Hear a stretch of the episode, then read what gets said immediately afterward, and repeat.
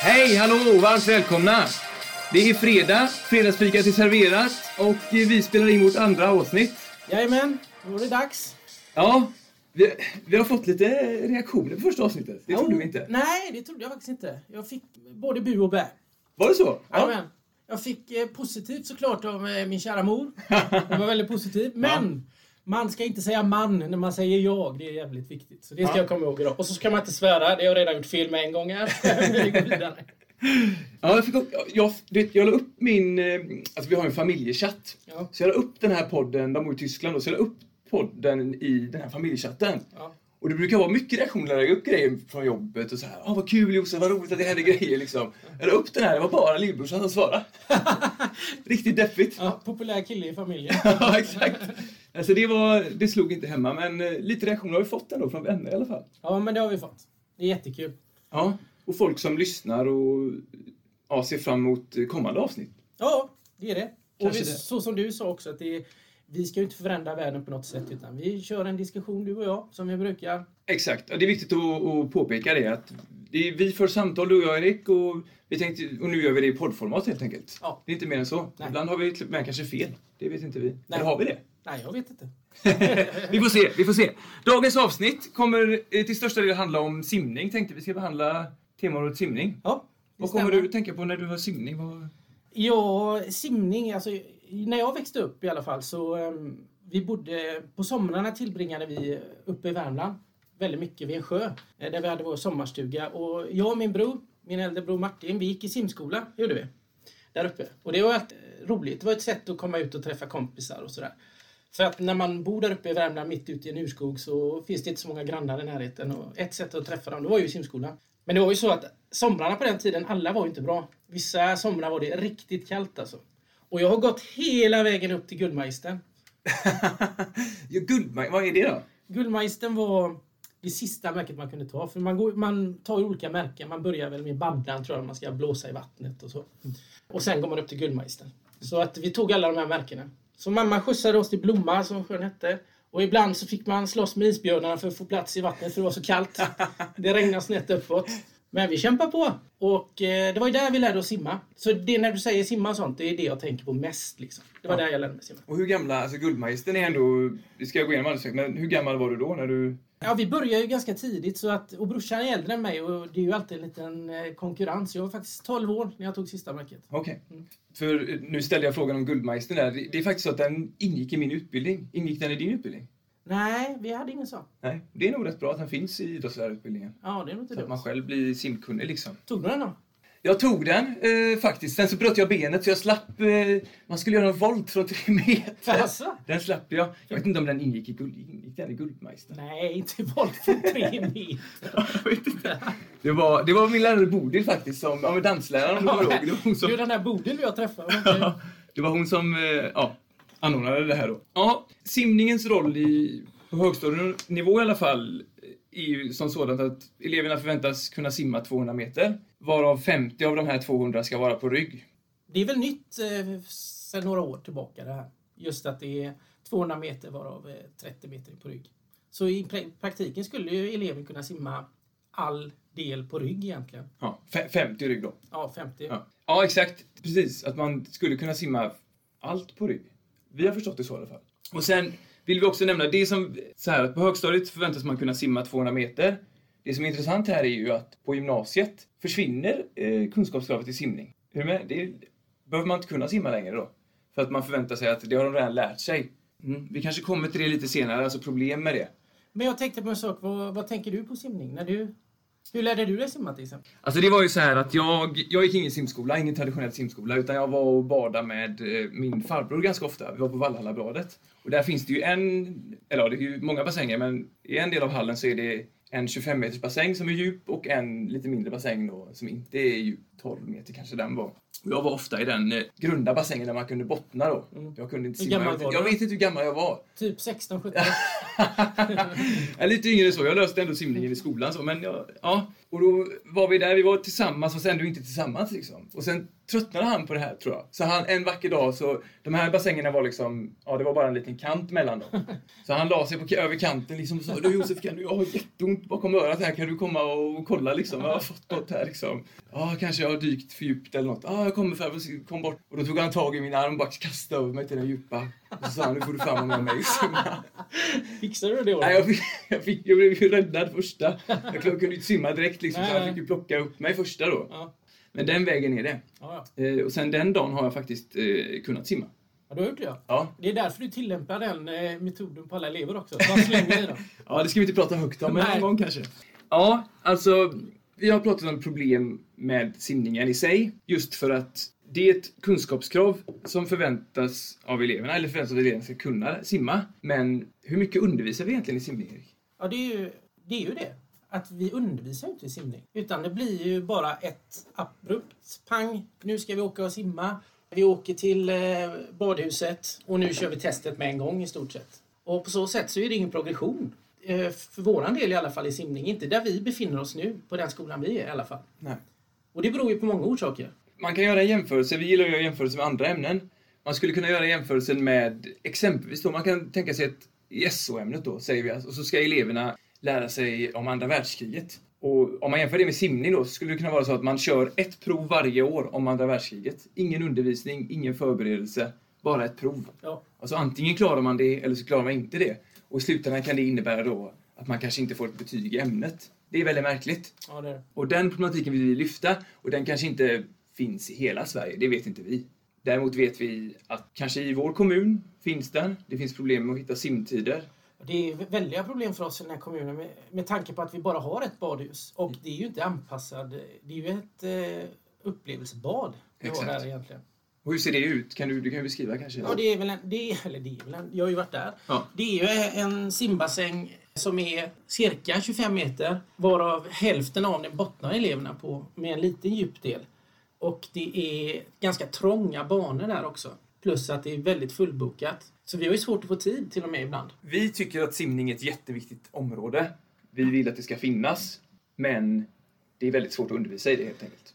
Ja, det är det. Vi bor i ett land där det finns väldigt många sjöar. Det finns tillgång till badstränder. Vi har havet och allting. Många badar på sommaren när det är varmt. En förutsättning för att göra detta på ett säkert sätt är ju att man kan simma helt enkelt. Och risken är ju att, att man inte kan det och då, då går det inte så bra. Och vi har väl märkt också på senare tid, eh, Josef, att vi får mer elever som inte har simkunnighet Ja, när det går då till slutet av årskurs 6 där det här kravet är egentligen att man ska... Första kravet är i alla fall att vi ska göra en avstämning exakt. på 200 meter. Ja, och det är ju som du säger, dels har vi eh, kanske allt fler elever eh, som är födda och uppvuxna i Sverige som har problem med att simma.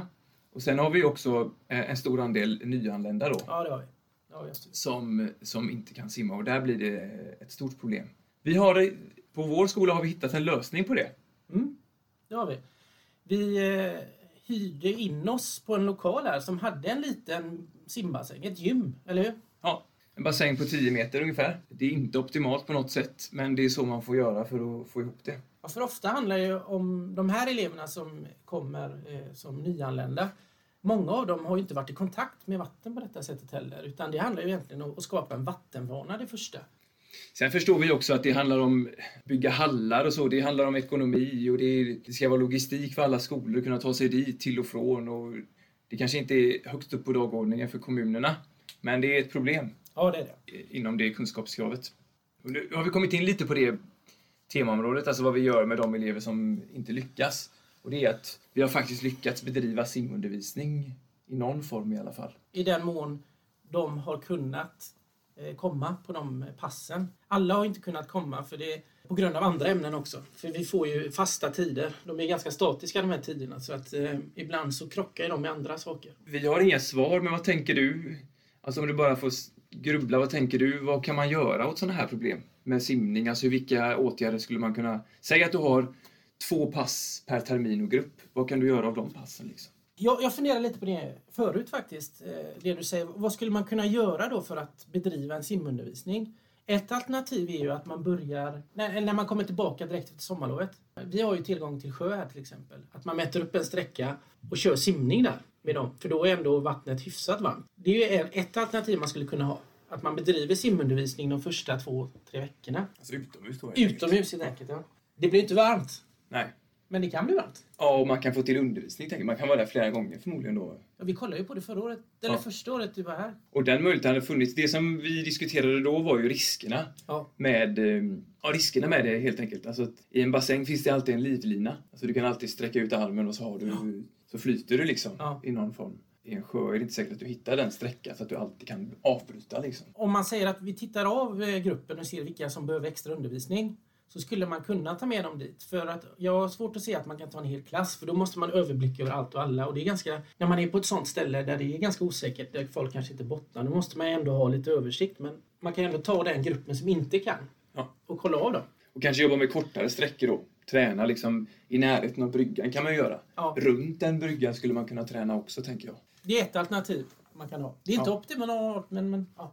Nej, det är inte optimalt, men det är ett sätt, att, ett sätt att se på det, tänker jag, som skulle kunna funka.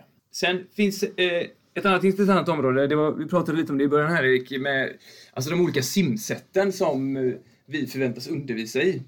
Det, det är ju inte bara så att eleverna förväntas eh, lära sig bröstsim, Nej. utan eh, ja, det är en rad olika simsätt. Vill du dra den linen, alltså med de exakta orden där, kort, så, vi, så att lyssnarna förstår lite vad det Ja. handlar om?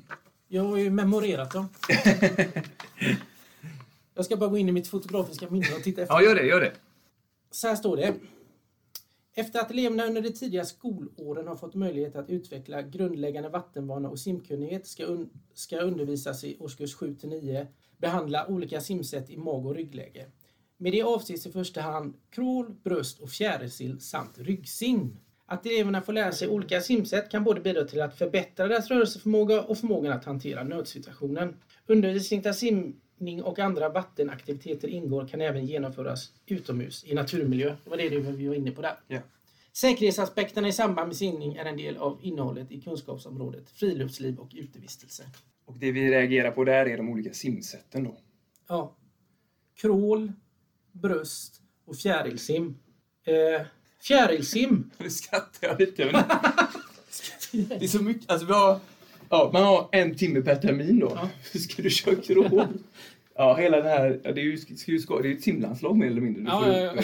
Vi får bedriva en sån. eh, Och nu, nu ska vi testa på... eh, Du behärskar inte bröstsimmet och krålet, men vi kör fjäril. ja, 50 meter fjäril ska vi ha spetsutbildning. Ja, precis. Eh, nu hånskrattar vi nästan lite åt eh, innehållet i, från Skolverket. Men det, som, det är väldigt tufft. Fyra tuffa tekniker som man knappt eh, själv har behärskar fullt ut. Jag menar fjärilsim, det är en avancer, ett avancerat simsätt. Ja, det är det. Och sen just det att efter då, när, när de kommit upp i sjuan och nian, då anses det att då ska det vara klart. Liksom. Då ska man kunna bedriva en undervisning där det ingår crawl, fjärilsim och bröstsim. Och en sak som är ganska intressant tycker jag också, det är just det att i Sverige har det alltid varit traditionellt att man börjar med bröstsim. Och motoriskt sett är ju det ganska svårt. För jag vet i i andra länder eh, så crawlar de ju Ja. första. För att det är motoriskt enklare att lära sig. Och det har vi ju märkt, alltså de elever som är simkunniga av de nyanlända eleverna, om vi säger så, Ja. de som har lite vattenvana, de, det är ju crawl Ja, det är det. uteslutande. Ja, det är det. När vi lär ut bröstsim så är det ju ett helt nytt simsätt för dem, Ja, det, är det. eh, som de inte alls eh, förstår sig på, Nej. faktiskt. Och det märker man också, det som, eh, som du säger, att, att det, är, det är svårt sätt att lära sig. Det Ja. krävs mycket. Och visst är det så Erik, det kan vi ju säga också, när vi haft så, vi har ju bedrivit simundervisning, men det- är ändå knappt med tid. Och då har vi faktiskt i vissa fall sagt att ja, men det är ingen idé vi eh, börjar lära ut bröstsim här. Utan fortsätt med crawl så att du eh, i alla fall lär dig simma crawl Ja. i 150 plus 50 meter rygg. Då. Och sen har ju vissa även tagit till då att man kanske simmar 100 meter rygg eller 150 meter rygg. Mm. För att man är mer bekväm med det. ja, precis. Vissa behärskar ryggsimmet mycket enklare. Än, lättare än eh, bröstsimmet. Exakt, och det handlar ju om att det handlar inte på något sätt om att eh, köra över kunskapskraven. Vi följer ju det som står i dokumenten. Ja. När vi försöker förenkla för eleverna, ja, nå målen helt enkelt. Ja, Det kan man göra på olika sätt. Ja, det kan man. Okej. Ja.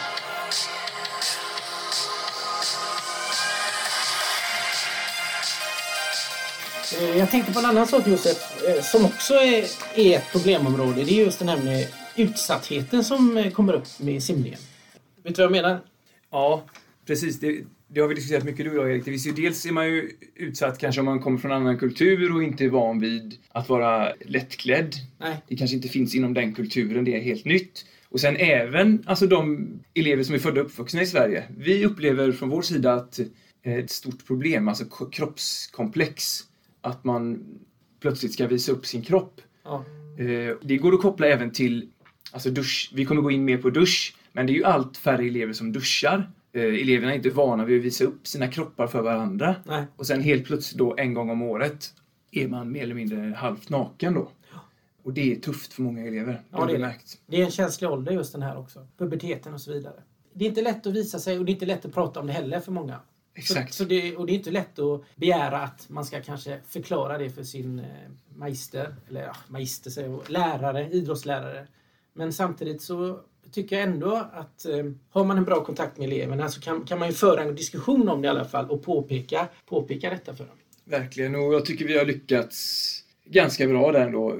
Våra elever vågar ändå prata med oss om saker. Ja. I relativt stor utsträckning i alla fall. Och jag menar, om man visar öppenhet som lärare så tror jag ändå att eh, de känner sig bekvämare. Och vi, vi tvingar ingen att hoppa i bassängen samtidigt som 30-40 andra. Nej. Utan självklart erbjuder vi alternativ. Ja, att man kan simma själv och ta med sig ett intyg från bassängen eller liknande. Alltså, det, det alternativet har vi haft ju. Definitivt. Eftersom det är ett kunskapskrav. Exakt. Och vi vill inte utsätta någon för tuff situation liksom. Nej. Det är ju inte det det handlar om. Det handlar ju inte om att visa upp sig för varandra liksom. Det är ju inte det. Det är ju ett simprov. Och då får man göra det vid annat tillfälle om man vill. Ja, precis. Vi har ju även gjort så att vi har ju försökt i alla fall att inte ha alla elever samtidigt i, i bassängen. Eller alla elever samtidigt i ens simhallen då, utan att man tar dem i omgångar. Har Eh, vi fler problem inom just området simning? ja, det har vi säkert, men jag kommer inte på något just nu. Eh, Kommer du tänka på någonting? Nej, det kanske inte handlar om simning, men det är ju, eh, ett, en annan del som vi ska undervisa i är ju det här eleverna ska kunna hantera nödsituationer vid vatten. Ja. Det, det är ytterligare ett temaområde då. Det kan vi också göra ute visserligen. Men det ska också hinnas med då. Många kanske har möjlighet att göra det i en simhall då med livboj och liknande. Men det är knappt vi hinner med det. Ja, det. Du skulle kunna ha med din farbror så kan han slänga i lite folk så kan de rädda dem. Ja, exakt. Jag, Nej. hade, jag måste Ja. berätta, ändå berätta. Jag, hade, jag, hade, jag har en kompis också som jag kom på att tänka på det nu. Just det här med nödsituationer i vatten. Han ville att hans ungar skulle liksom lära sig det här med flytväst. Så han åkte ut på sjön med dem och så hivade han i dem med flytvästarna bara. Bara för att, och när jag tänker efter, alltså det är ju inte man ska göra. Eller kanske man ska, inte vet jag. Hänga ut han här men. det blir en chockupplevelse för dem samtidigt. Ja. Och de hade, det blir ju verkligen så att, att de kommer i den situationen. Bara, barnen visste inte att de skulle bli ikastade. Jag tror inte det. Nu, nu jag låter det vara osagt här. Ja. Eh, vi, kan säga, vi kan kalla han Kalle. och Ja. barn, barnen mår bra. Eh, jag har inte sett några psykiska men. Och pappan då? Pappan eh, mår bra, tror jag. Han är inte inlagd. Nej, inte än. Nej, okej. Ja, men det, det är väl också ett sätt att alltså, utsätta dem för en eh, prekär situation helt enkelt. ja, det var väl det han tänkte. Hur gamla var de? Jag vet inte. Men de var i alla fall över 10, tror jag. De var säkert 12, 13. eller Var det liksom... Kun, hade de bottnat om de ville eller var Nej, det... nej, nej. Det var rätt Det nere? var mitt ute i fjärden här. Okej. Sorry, Kalle. Eh, polisen kommer. Ja, vi ska väl börja runda av detta i, lite grann. ja. Det är svårt att grotta sig ner för djupt utan att börja prata om specifik, specifika elevtyper och så. Det kommer vi inte göra av olika anledningar. Så att har man eh, frågor får man gärna ställa dem, Tycker tänker jag. jag. Eh, men så här mycket kommer vi prata om simning idag. Vi, du, du är duktig på att sammanfatta tycker jag Josef. Kan inte du försöka sammanfatta det vi har sagt? Jo. Eh, Alltså dels har vi ju pratat om problematiken med tillgänglighet av simundervisning, alltså till, eller tillgänglighet av simhallar. Vilket innebär att det inte blir någon undervisning, Nej. utan det blir snarare att man bara gör ett prov. Och så har vi jämfört det med andra ämnen. Det skulle aldrig ske. Alltså ett matteprov i algebra en gång om året. Och så kan det påverka ditt betyg. Så det är ett problem och det, måste, det behöver vi lösa inom svensk skola. Eh, Sen har vi pratat om kulturella skillnader, att det är jobbigt för elever att helt plötsligt, alltså dels inom kulturen att man inte är van vid att vara lättklädd och dels alltså att det inte finns en simkultur eh, i vissa länder. Då. Det finns, vad har vi pratat mer om? eh, simsätten var det också va? Ja, det var ju det du kom in på där. Ja. Just det att eh, vid årskurs 7, eh, efter årskurs 6 där när man gjort den här avstämningen, då ska man liksom kunna utveckla simningen och testa på att träna crawl, bröstsim, men även eh, fjäril ska man kunna träna eleverna på. Och så pratade vi även lite om det här med, det skiljer sig lite världen över hur, hur man lär ut vilket, vilket som är lättast att börja med. Och sen även snuddar vi nu på slutet då frågan om eh, kroppskomplex och svårt att visa upp sig och så. Precis, men det är väl ett ämne som vi kommer ta upp lite senare. Ja, för den, den just kroppskomplex finns ju överallt i idrotten. Alltså, Ja, det gör det. Ja, dusch i hallen och jobbigt att visa upp sig när man ska hoppa högt eller hoppa långt. Ja, eller... Den här utsattheten. Ja. ja, ungefär så. Det är ungefär det vi har pratat om idag. Och vi har pratat lite om hur vi lärde oss simma också. Ja, det precis. jag var Nej, det, var jättetrevligt. Alltså, Ja. jag, jag ser fram emot att träffa din farbror. jag ska Ja. på behörigt avstånd. Jag är osäker på vad han själv kan simma nu faktiskt. Han har lagt på sig lite det. Kanske ska... Apropå Kalle det här, eh, som jag kallar han Kalle då. Ja. En, han berättade en rolig historia apropå vatten här. Det var att Sven som han hette, han eh, jobbar på en ubåt. Han gillar att sova med öppet fönster, men det gillar inte de andra kompisarna på ubåten. så dålig. Ja, det var inte bra.